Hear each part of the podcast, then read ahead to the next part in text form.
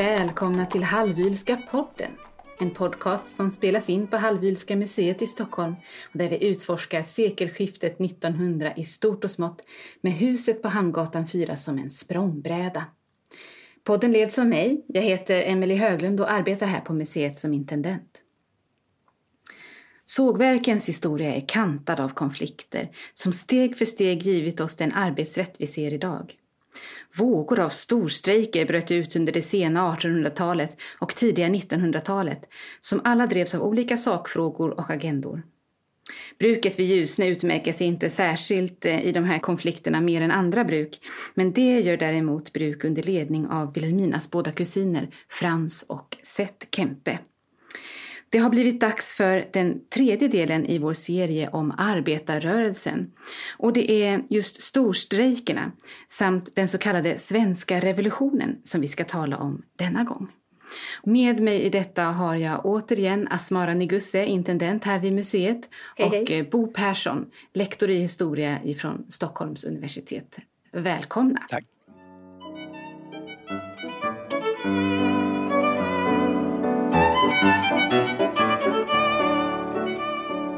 Så jag tänker att vi nu dyker in i storstrejkerna. Och de stora omtalade strejkerna som, som dök upp först, det var väl på 1870-talet redan som det här började synas, alltså innan arbetarrörelsen hade organiserat sig. Vad handlade de eh, större strejkerna ofta om och vilka gemensamma drag kan man se där? Alltså den stora strejken, speciellt när det gäller såg, sågverken, det är ju Sundsvallsstrejken 1879 som är den första riktigt stora strejken och som ju är, kan man säga, rätt oorganiserad. Det finns ingen arbetarrörelse riktigt vid den tiden, det finns ingen facklig rörelse i Sundsvall heller.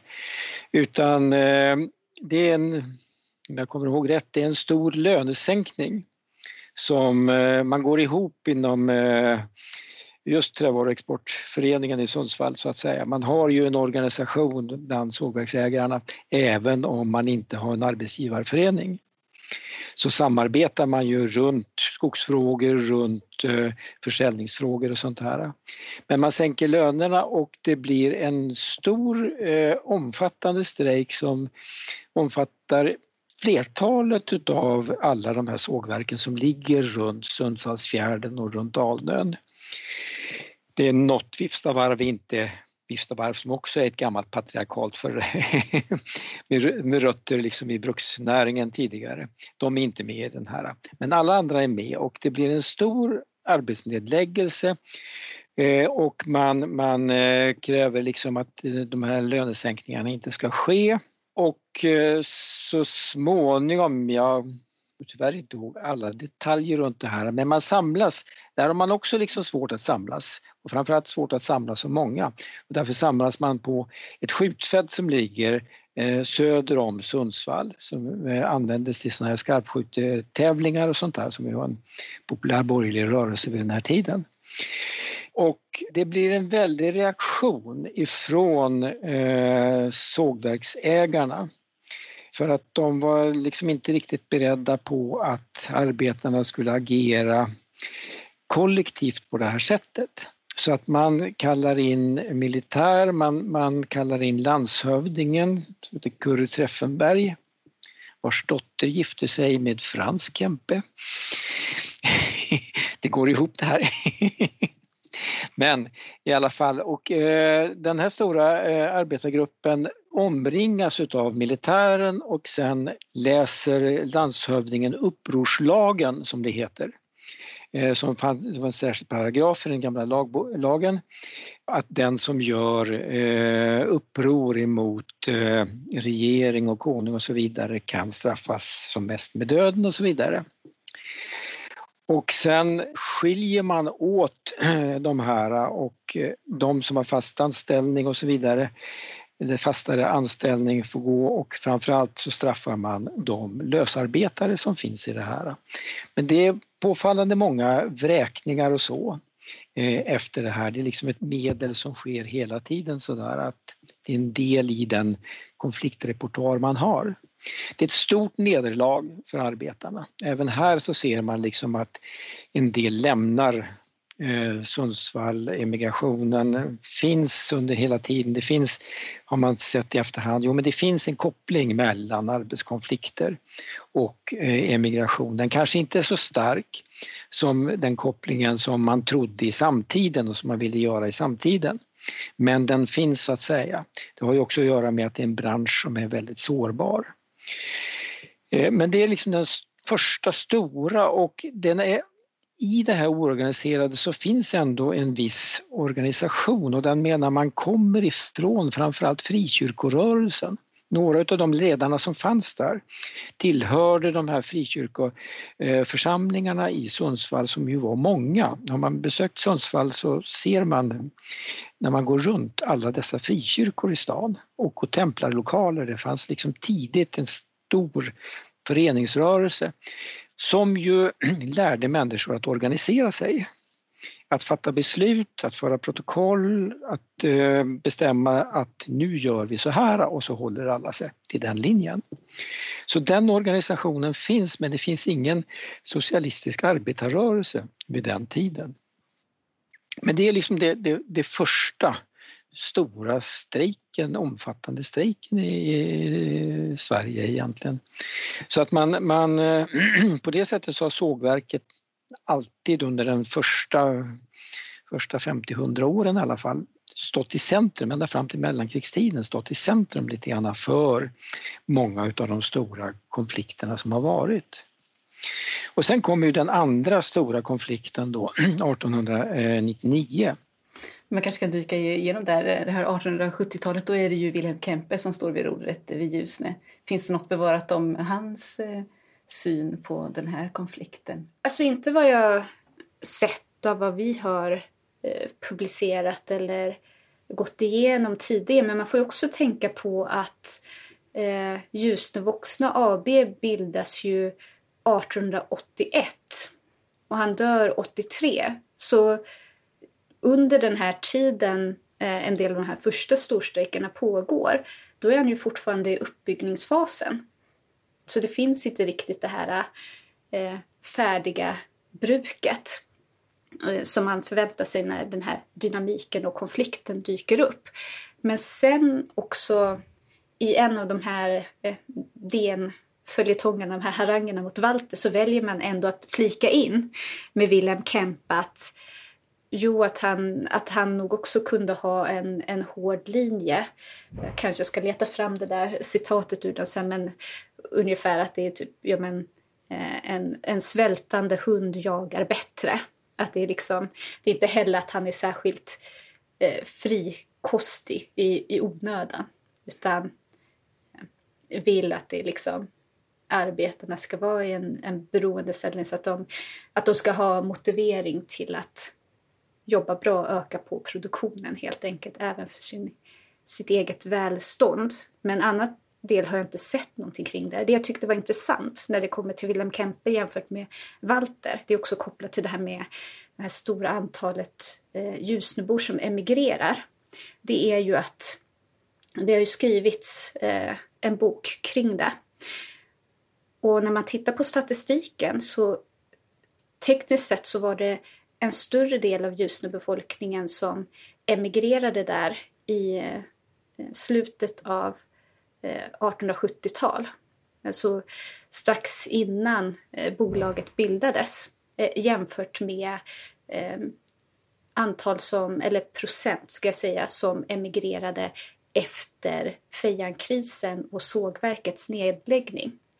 Skillnaden här kommer ju av att det var ju många färre som bodde i Ljusnet och bruket, och, och bruket då eh, under 1870-tal omkring. Så när eh, en stor del av dem reste iväg så var det ja, en, en väldigt stor procent som försvann väldigt snabbt. Och man kan ju undra lite då också, vad hände där? Eh, varför valde så många att lämna bygden precis när det var eh, den här uppsvingen och investeringen av brukspatronen i i Ljusne. Han köper ju upp eh, järnbruk och så i Dalarna och så och för över dem dit. Så man ser ju att här är det ju en investering som pågår och alla de här sociala eh, tjänsterna och så håller på att byggas upp. det är ju det Walter sen får ta över. Ett färdigt, stort, välfungerande bruk. Och då tänker man att vid den tiden borde ju arbetarna snarare dra sig till Ljusne än att lämna det. Så det gjorde mig lite nyfiken. Så om man bara tittar på Ljusne så var det en större del av befolkningen som lämnade ändå under Wilhelm Kempes tid än under Walters. Det som händer under Walters tid är att när man jämför med resten av närområdet då är det löjligt många som ger sig av från Ljusne. Det är väl också lite den här sena fasen av emigrationen, där runt 1906. Men då är det ungefär att Ljusne står för typ 60-65 procent av de som emigrerar i området runt omkring. Det sena kan ju ha att göra med att bruket går dåligt ända sedan 1900 sådär att det är, det är ingen riktigt bra ställe att vara på.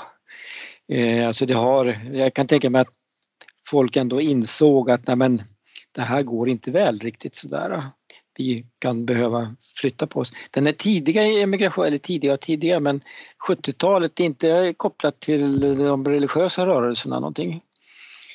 För det är fortfarande liksom i den fasen då många lämnar Sverige på grund utav att eh, man vill söka det finns ju frikyrkor men det är fortfarande många som vill ge sig iväg för att hitta något. Och just den lokala eh, emigrationer kan ju ha ganska speciella förklaringar som inte är generella på det sättet, liksom, med ekonomi och konjunkturer utan det kan också vara värvningskampanjer och en rad sådana saker. Det är många som ger sig av trots allt under hela tiden sådär. Då till den andra vågen utav eh, storstrejker som kommer ungefär 20 år senare då alltså, på 1890-talet. Vad ser vi då eh, hände? Då blir det, det sker en våg av organisering i slutet på 1890-talet över hela landet sådär. Liksom. Det är liksom då som grovarbetare och fabriksarbetare börjar bilda fackföreningar och börjar bilda fackförbund så här. Från början är det framförallt hantverksarbetare, alltså målare, snickare och sådana som, som bildar fackföreningar, metallarbetare och sådana, grafiker och så. Grafikerna är jättetidiga. Eh, 1897 så bildas då Sågverks och Brädgårdsarbetarförbundet så att säga. Helt plötsligt då så finns det ett tydligt hot för eh, arbetsgivarna, eller som de uppfattar som ett hot. Alla arbetsgivare för ju inte en sån här politik. Och då gör man en offensiv kan man gott säga liksom, eh, i Sundsvall 1899. Den är väldigt planlagd ifrån arbetsgivarnas sida om att slå ut fackföreningarna fullständigt för att kunna fortsätta med det här avtalslösa tillstånden.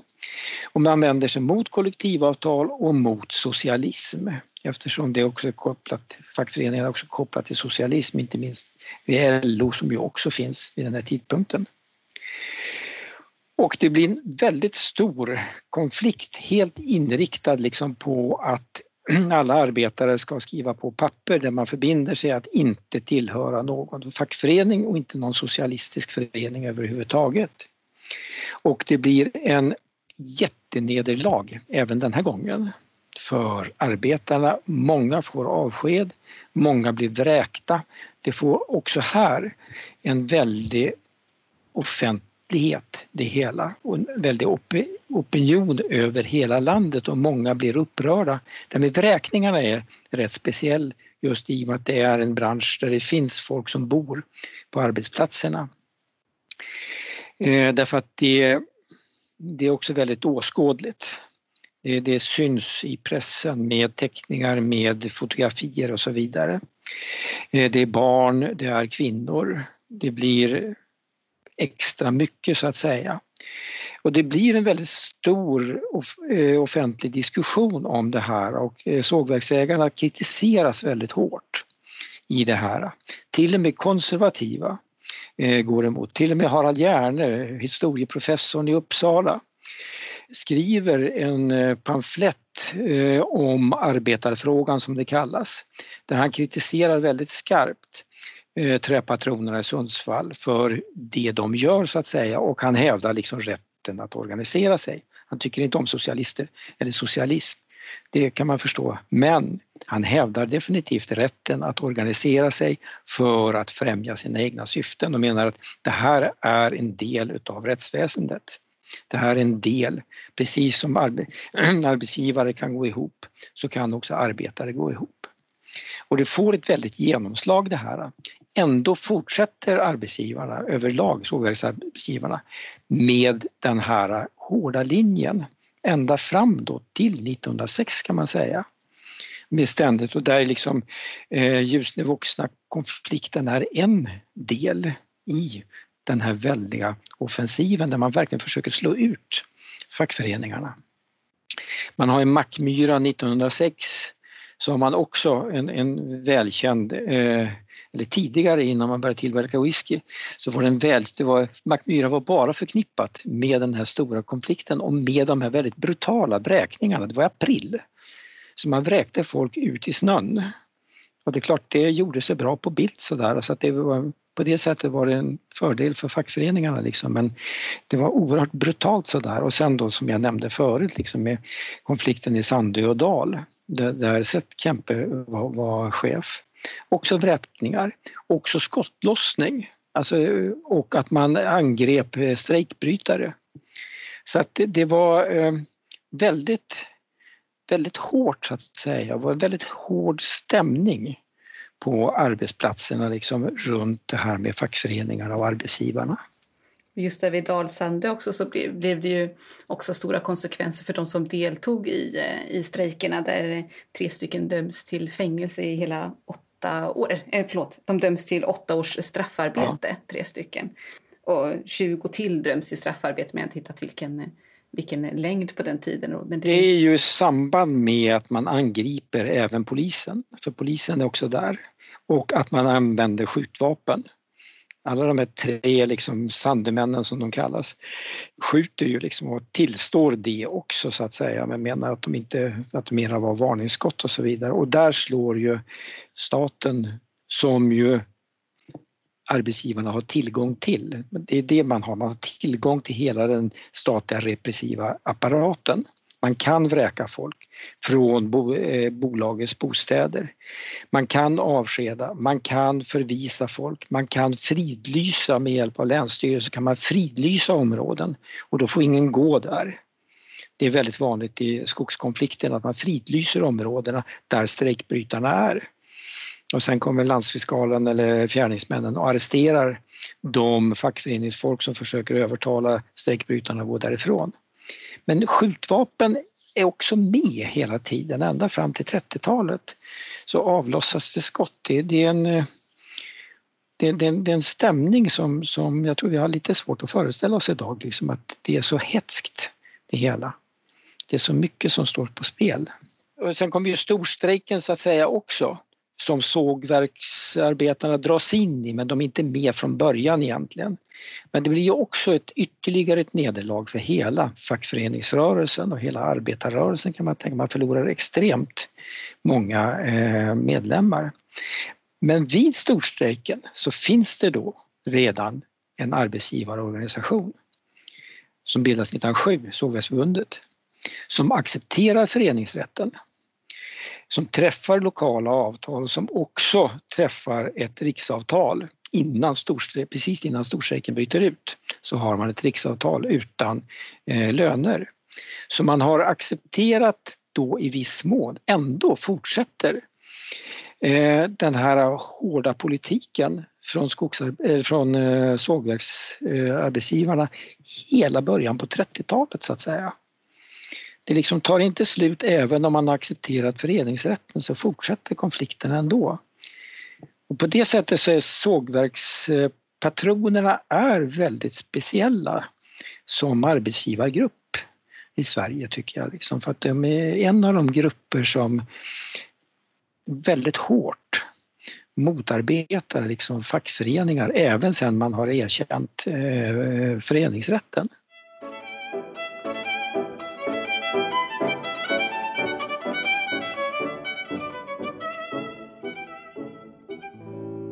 Men sen den här storstrejken som du pratar om, det är storstrejken 1909. Eh, ja. Och den, den kommer ganska kort efter att de första kollektivavtalen kommer till stånd, berättar du. Ja.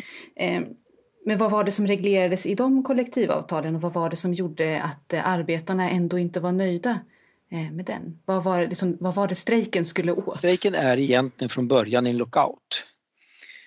Det är en väldigt stor lockout från arbetsgivarnas sida och det är därför att en massa andra avtal har eh, havererat eh, inom eh, verkstadsindustrin, inom järnbruken, inom en rad olika områden och sen svarar LO med att utlysa en generalstrejk som drar in de flesta andra eh, grupper i det här.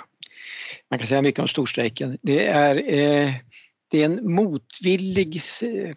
Man kan säga att från arbetsgivarnas sida så tror man väl rätt mycket idag att de här stora lockouterna som man eh, genomför då är till för att arbetsgivarna vill ha stora riksavtal som omfattar hela branschen.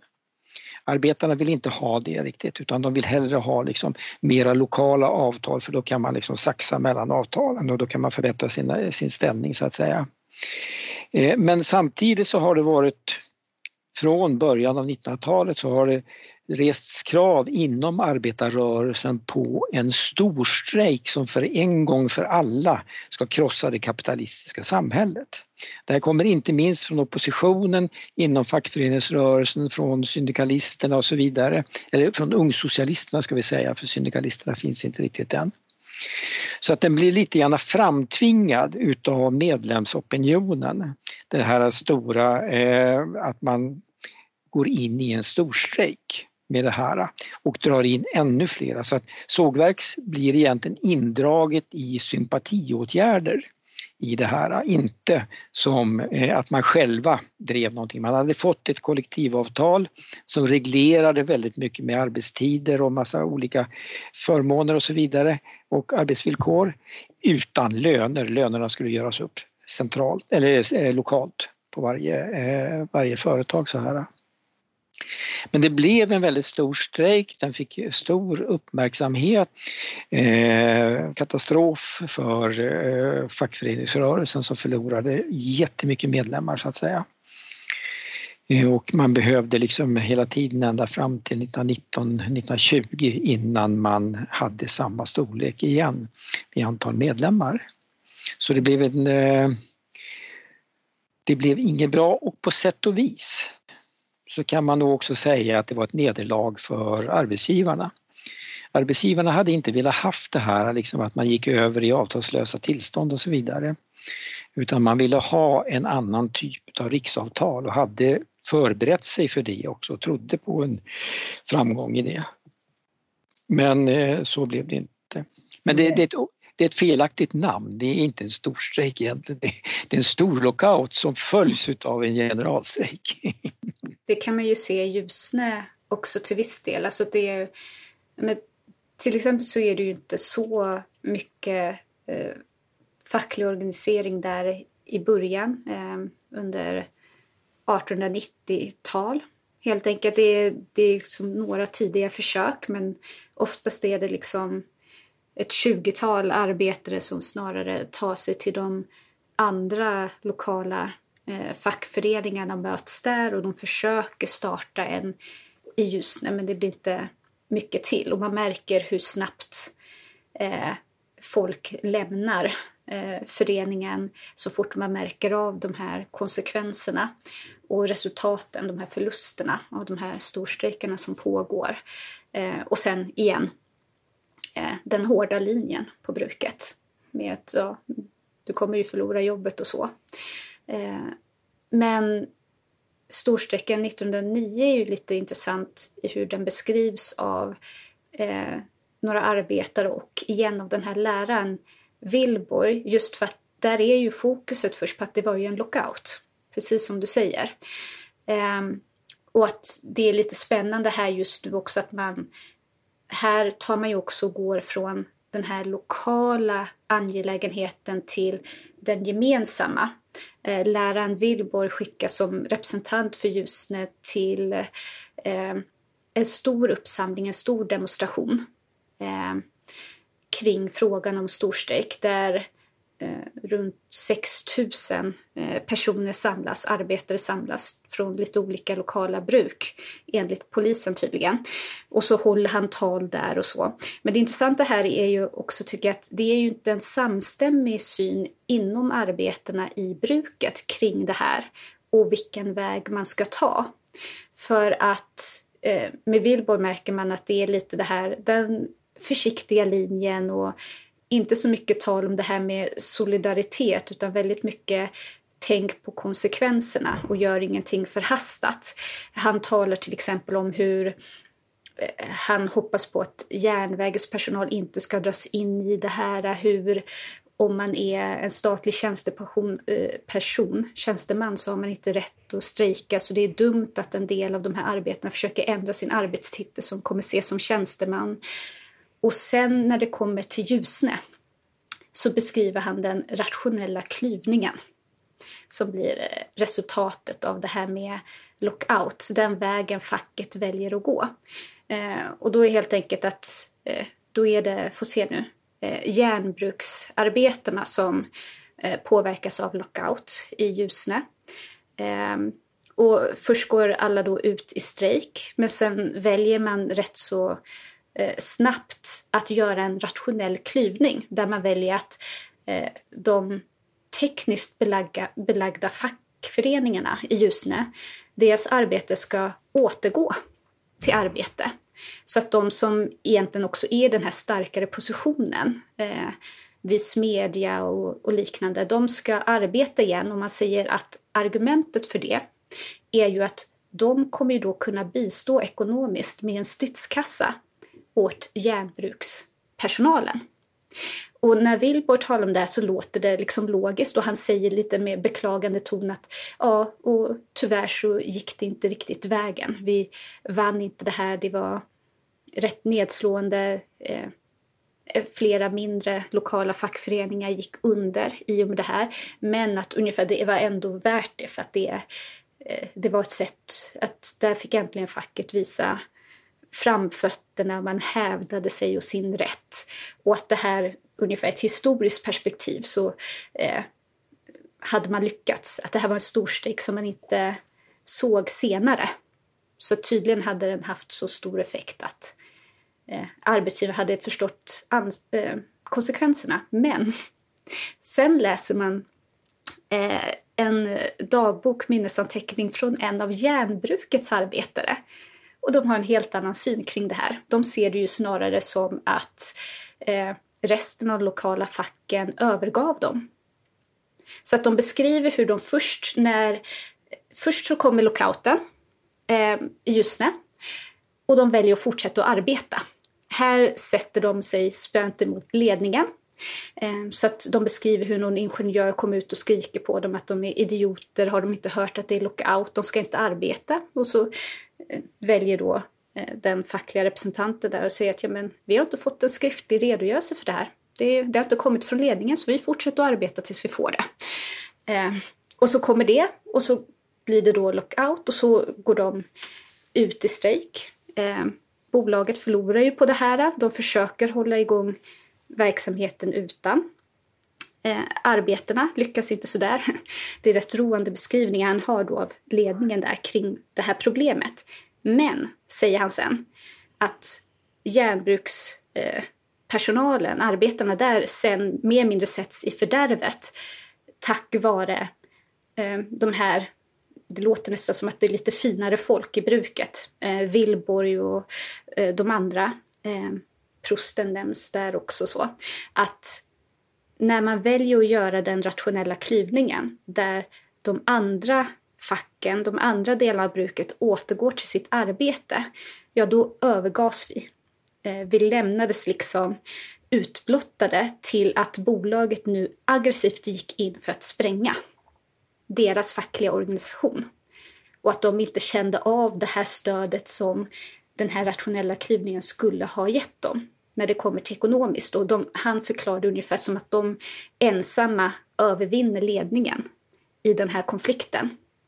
Eh, genom att när de sen ska återgå till arbete, då får de höra att det är, eh, nu vill man sålla ut de som var fackligt aktiva. bland järnbruksarbetarna.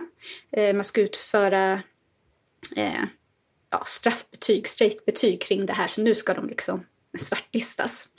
Och då väljer man helt enkelt inte att försöka få solidaritet från de andra i bruket, de andra lokala fackliga rörelserna, utan helt enkelt att man eh, låter dem inte söndra och härska. Så ledningen säger att man ska komma en och en till kontoret för att anmäla att man återgår till arbete.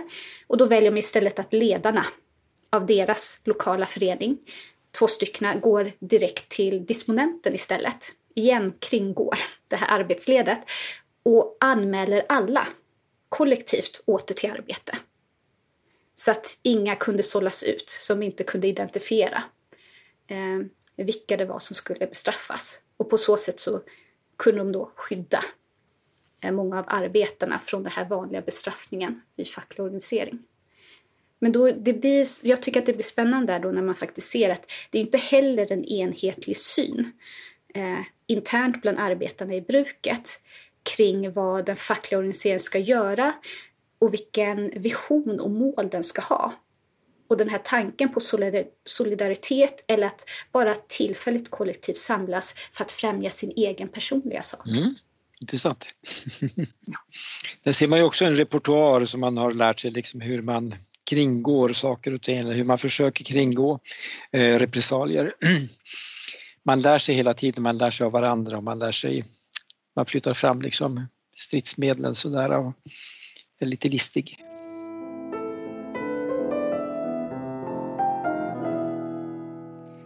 Jag blev lite nyfiken på det här med storstrejken och du sa att eh, man var ute efter att krossa den kapitalistiska ordningen. kan man säga att man här liksom har gjort en glidning eh, till att verkligen ifrågasätta grunden till eh, relationen mellan arbetstagare och arbetsgivare? Är man ute efter att eh, förändra den sociala ordningen nu när man har kommit så här långt? Så arbetarrörelsen vid den här tiden, både den politiska och den fackliga, var ju stor före, eh, före 1909 Eh, ordentligt stor och väldigt sammansatt.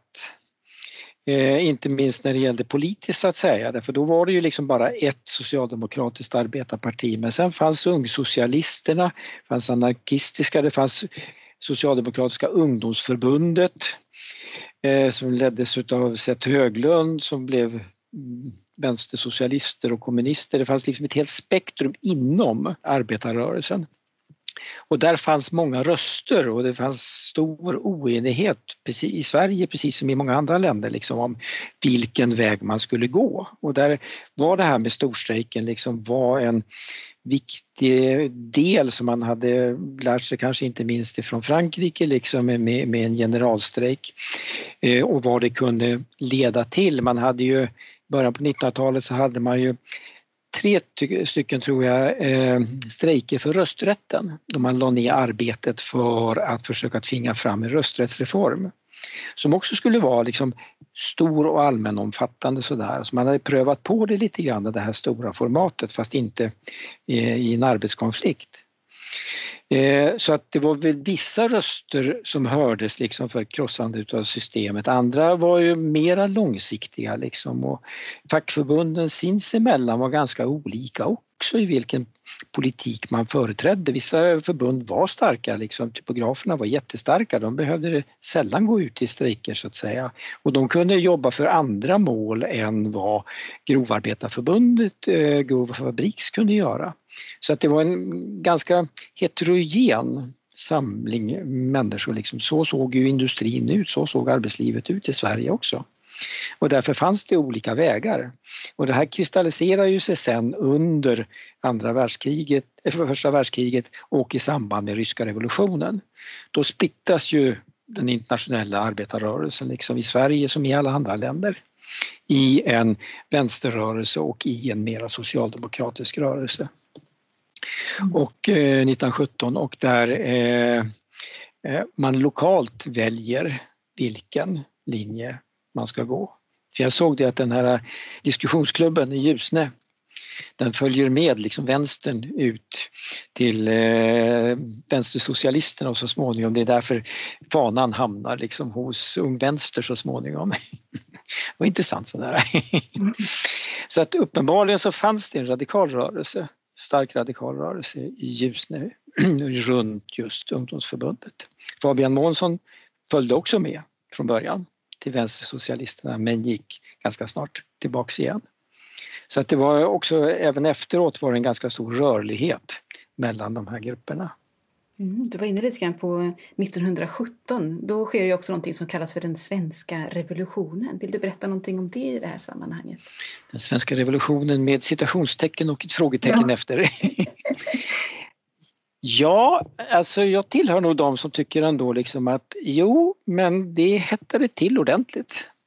Alltså det, det var faktiskt, eh, jag vet inte om det direkt var ett revolutionshot men eh, situationen var väldigt allvarlig. Kriget var, gick ju, Sverige var ju inte med i kriget men Sverige drabbades hårt av avspärrningarna och av stor livsmedelsbrist utav det man kallade för dyrtid. Priserna gick upp.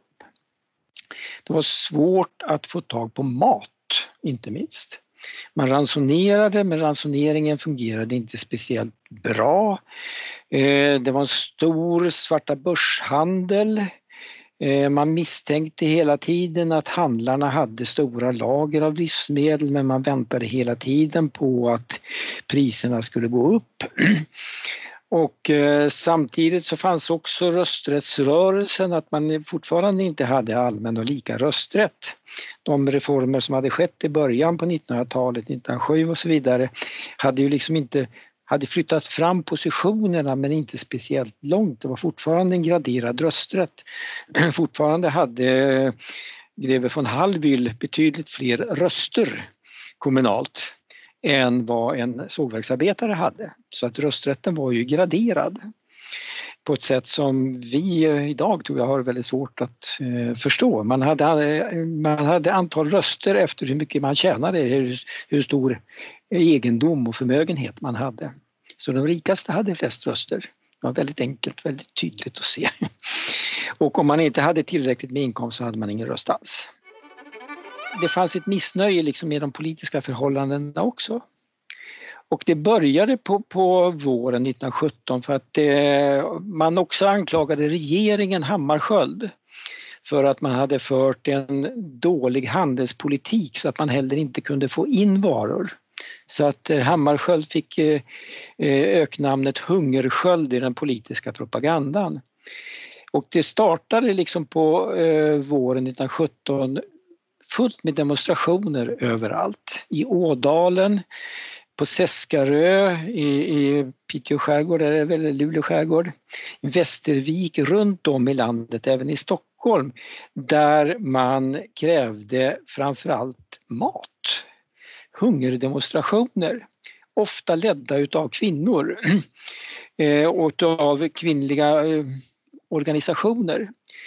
Man var väldigt drastisk. Eh, man gick i Ådalen har jag för mig, man gick ut på landsbygden, gick in till bönderna, bröt upp deras källare, kolla efter hur mycket potatis finns det kvar? Visst finns det väl potatis? Jo, det gjorde det ju ofta. Man bröt sig in till handlare för att kolla deras lager. Eh, man var väldigt socialistisk sådär, alltså sen sålde man till enhetspris liksom och såg till att alla kunde få när man hade konfiskerat, men alltså man konfiskerade mat så att säga eh, och gjorde såna här inventeringar. Man kallade in, eller myndigheterna kallade in militär men det visade sig att militären, och det är väl där liksom det hettar till ordentligt, militären var väldigt opolitlig. Militären gick ofta med de som demonstrerade. De anordnade egna demonstrationer. I Seskarö lämnade man över sina vapen till demonstranterna. Och det var ju oerhört allvarligt insåg ju alla så att säga. Det här ebbade ut men det kom tillbaks i flera omgångar under 17-18. Man kan väl säga att Socialdemokraterna såg till att det inte blev en revolution. Man bildade eh, lokala Eh, grupper som krävde att få dels allmän rösträtt, det var ett allmänt krav som man hade, som fördes fram i alla, alla sammanhang, och att man skulle få inflytande över det som hette kristidsadministrationen. Det vill säga de som skötte ransoneringarna, de som fördelade ransoneringskorten, de som skötte tilldelningar och så vidare. För att man skulle få ett grepp om livsmedelssituationen i det hela. Och med de här grupperna som man hade, det bildades ju också arbetarråd efter ryskt mönster inom vänstern så att säga som ville ta över produktionsmedlen och så. Men Socialdemokraterna bildade egna sådana här grupper med kan man säga reformistiska krav. Och man kunde genomdriva det här rätt mycket. Man fick inflytande över det här. Man påverkade eh, regeringen och riksdagen i flera omgångar för det här var tätt kopplat också till rösträttsfrågan. Så att eh, det finns en berömd bild från Stockholm från eh, Gustav Adolfs torg när eh, med massor med människor, polishästar, dragna sablar från poliserna med pickelhuven och där eh, Hjalmar Branting hjälps fram, han var lite ofärdig tror jag, för att kunna komma till riksdagshuset för att kunna delta i en interpellationsdebatt där han just hade frågat, det var inrikesministern, om hur det skulle bli med det här med rösträtten. Och då fattas beslut 17 och sen fattas det nya beslut eh, 18 och 19 om att reformera rösträtten. Så på det sättet så kanaliseras kan man säga det här extremt stora missnöjet eh, över till eh, väldigt tydliga politiska krav. Dels inflytande över den lokala administrationen när det gällde livsmedel och sen mot rösträtten. Och sen fick vi ju också en allmän rösträtt både liksom när det gällde första kammaren och när det gällde andra kammaren och en lika och allmän rösträtt, det vill säga även för kvinnor och man tog bort den graderade rösträtten eh, som ju gällde till första kammaren och i kommunalvalen. Så att en revolution blev det på det sättet att det medförde väldigt många reformer eh, och viktiga reformer. Eh, men det blev ju liksom inte ett revolutionärt övertagande som det blev i Ryssland. Däremot så splittrades arbetarrörelsen. Så att en del blev reformistisk och en del blev eh, vänstersocialistisk under några år och så småningom 1920-21 så gick man, eh, så knöt man sig fastare till, till eh, det sovjetiska partiet och blev ett kommunistiskt parti. Så på det sättet är det oerhört dramatiska år. Och där den här diskussionsklubben såg jag liksom följde med vänstersocialisterna och så småningom även, även kommunisterna. Vilket tyder på att man, eh, man hade majoriteten där och på många ställen så gick hela den socialdemokratiska gruppen över till vänstersocialisterna. Så att man fick automatiskt så fick man ett antal riksdagsmän i riksdagen som var vänstersocialister i och med att det inte var val emellan så att säga så flyttade de över så där så man bildade en vänstersocialistisk grupp. Mm. Är det här någonting som kommenteras i våra arkiv, Asmara? Inte vad jag vet direkt, men det är väl också att jag är mer fokuserad på eh, Walter von Hallys tiden von Eckermann och sen är det ju också lite den här annorlunda situationen om man tittar på hur arbetarna beskriver det. Liksom von Eckermans-eran ses liksom som en, en återblomstring av bruket. Nu har man en brukspatron äntligen igen som bryr sig om arbetarna. Så det är ju en massa investeringar där som görs då eh, på själva brukssamhället. Liksom allt det de har klagat om och väntat om sen slutet på 1800-talet. Bättre bostäder, utbyggnad av sjukhus, allt det här. Så att det är ungefär nästan som att det blir en liten återbromsning av det patriarkala samhället i, i sitt eh, bättre ljus, så att säga.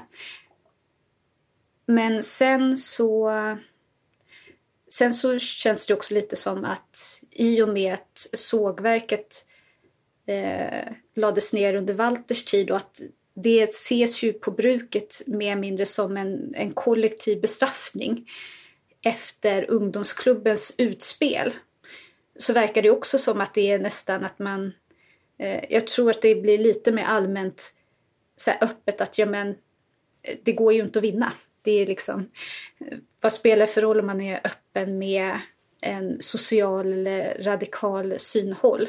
Även om jag inte är det så förlorar jag mitt arbete och liknande. Så att det är inte bara att man emigrerar till Amerika. Det verkar ju överlag också vara att då ser man kanske inte riktigt eh, den här gamla balansen av att det är en väldigt stor förlust för de flesta med eh, socialdemokratisk eh, organisering eller ej, det verkar försvinna lite. Men där känns det som att man behöver kolla upp det lite mer innan jag säger något definitivt kring det.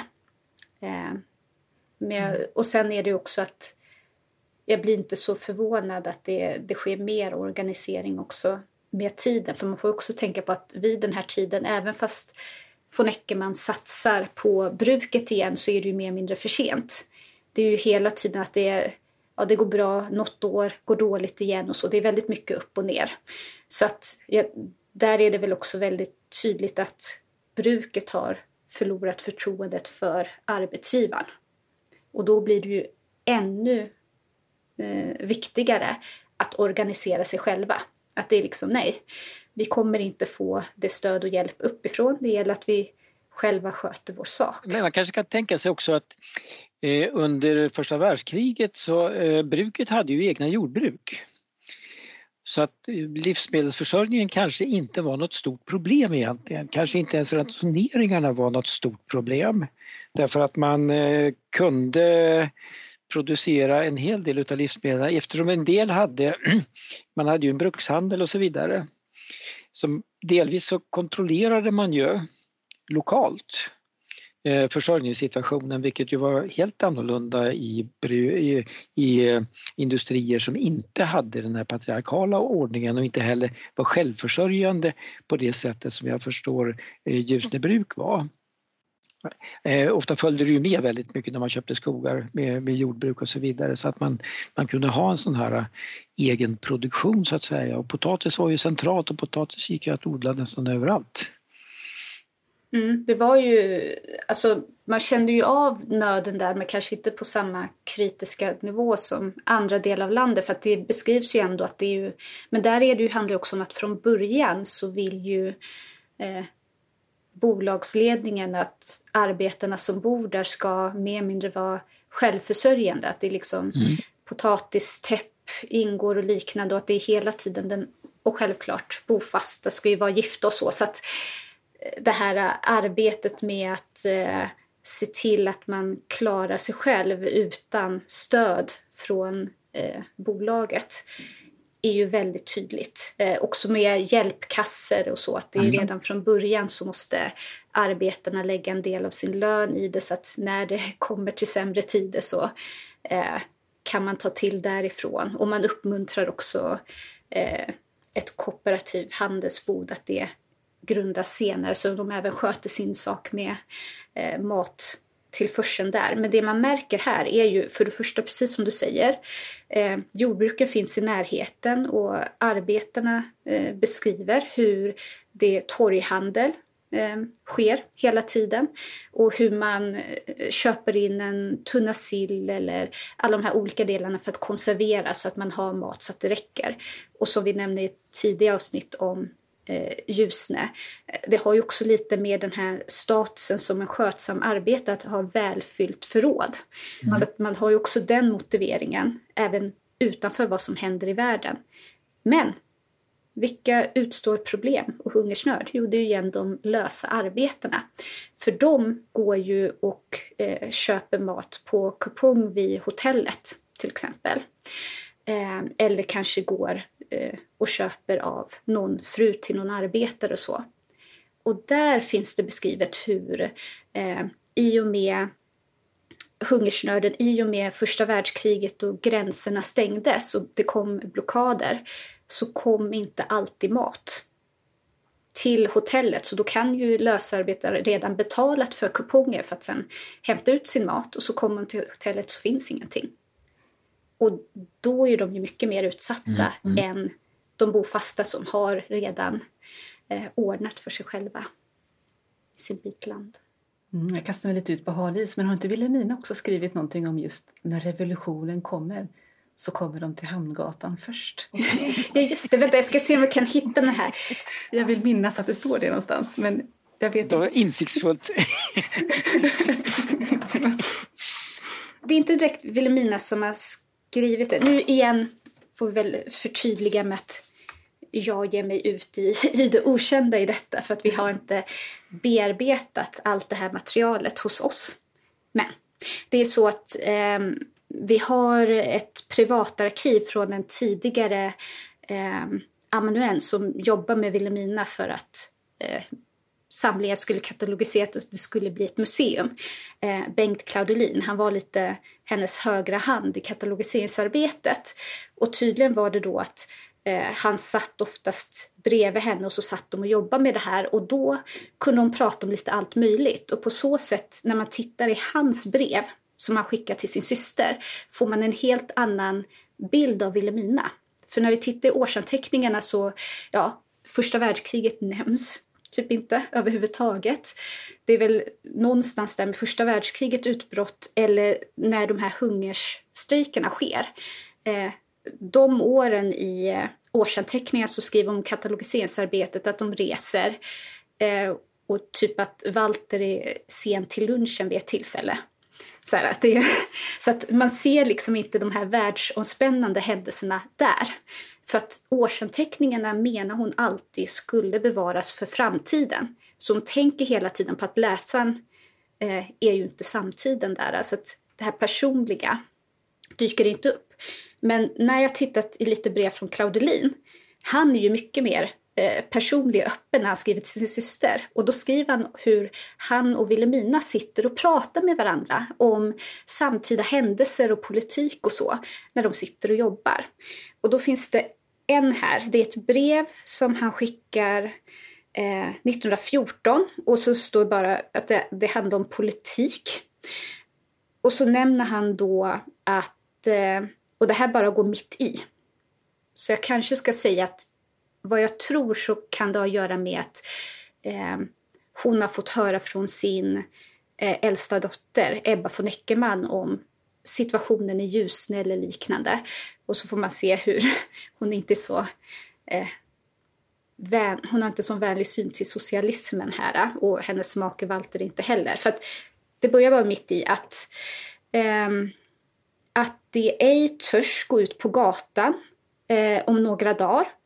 Ehm, Ja, det är väl mest prat alltsammans. Greven av sin dotter hört sägas att Hamngatan 4 lär bli det första hus som ska stormas i den stilen.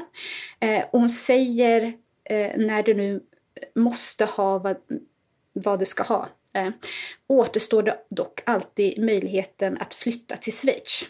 Eh, och så inom citattecken, får se om vi sitter här vid vårt arbete om åtta dagar, kandidaten då, kandidaten Claudelin. Och det här är lite typiskt för Vilhelmina. Hon, hon har den här raljerande, eh, skämtsamma och väldigt så här, snabba eh, replikerna när hon gör sina bedömningar eller kommentarer på sin samtid.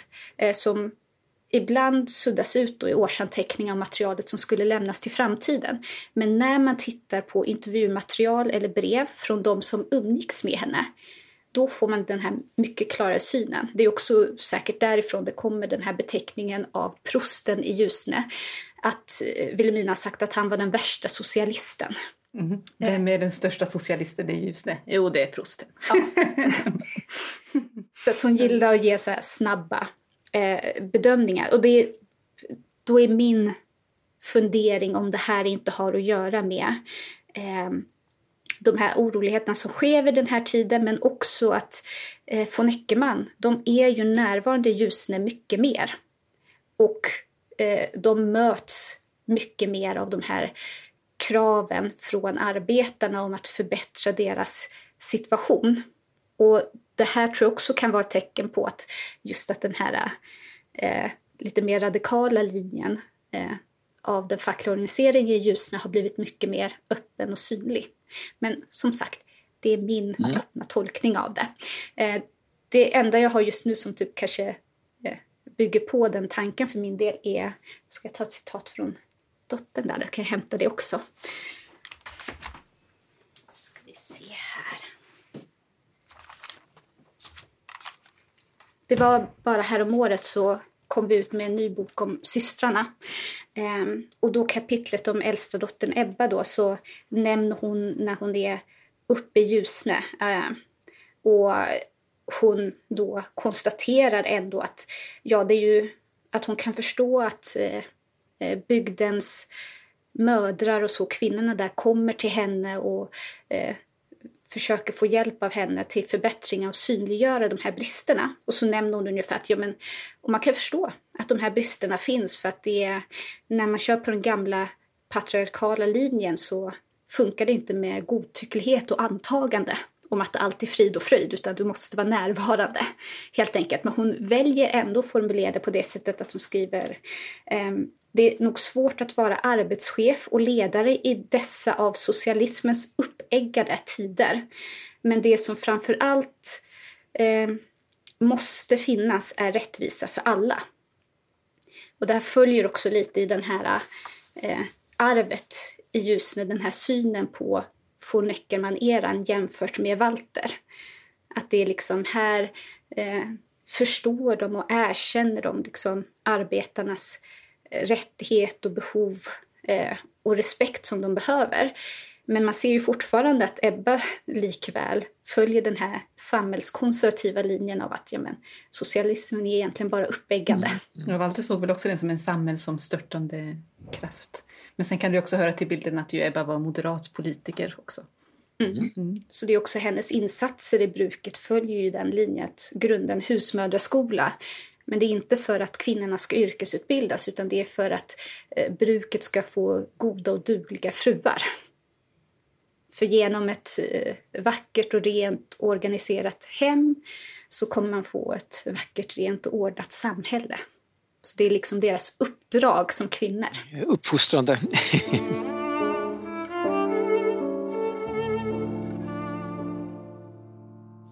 nu har vi tagit ett eh, rejält tag i den här ganska komplicerade historien om arbetarrörelsen och sågverken.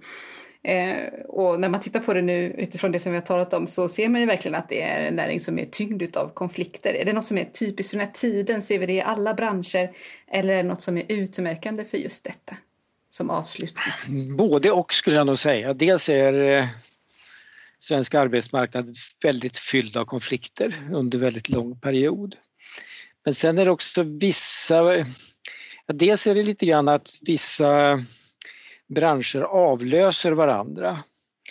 Eh, allt eftersom de blir reglerade om man säger så, att eftersom kollektivavtalen slår igenom så blir de ju lugnare så att säga. Eller, och då, framförallt så blir det när det blir konflikter då blir det ganska stora eller ganska planerade konflikter.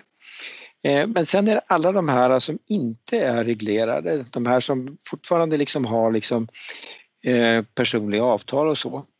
Eh, och under en lång period så är ju sågverken väldigt eh, dominerande i konfliktstatistiken tillsammans med skogsindustrin som lite tar över deras roll under 20-talet som är extremt konfliktfylld. Eh, och också lantarbetarna eh, och lantarbetarkonflikterna som ju liknar de här också. Det är också bostäder, eh, det är också vräkningar, det är också samma tid, det är också samma typ av arbetsgivare som hårdnackat under otroligt lång tid vägrar skriva eh, kollektivavtal med lantarbetarna. Därför de är liksom inte riktiga arbetare de är liksom tjänstefolk och därför står de ju i princip fortfarande under legostadgan.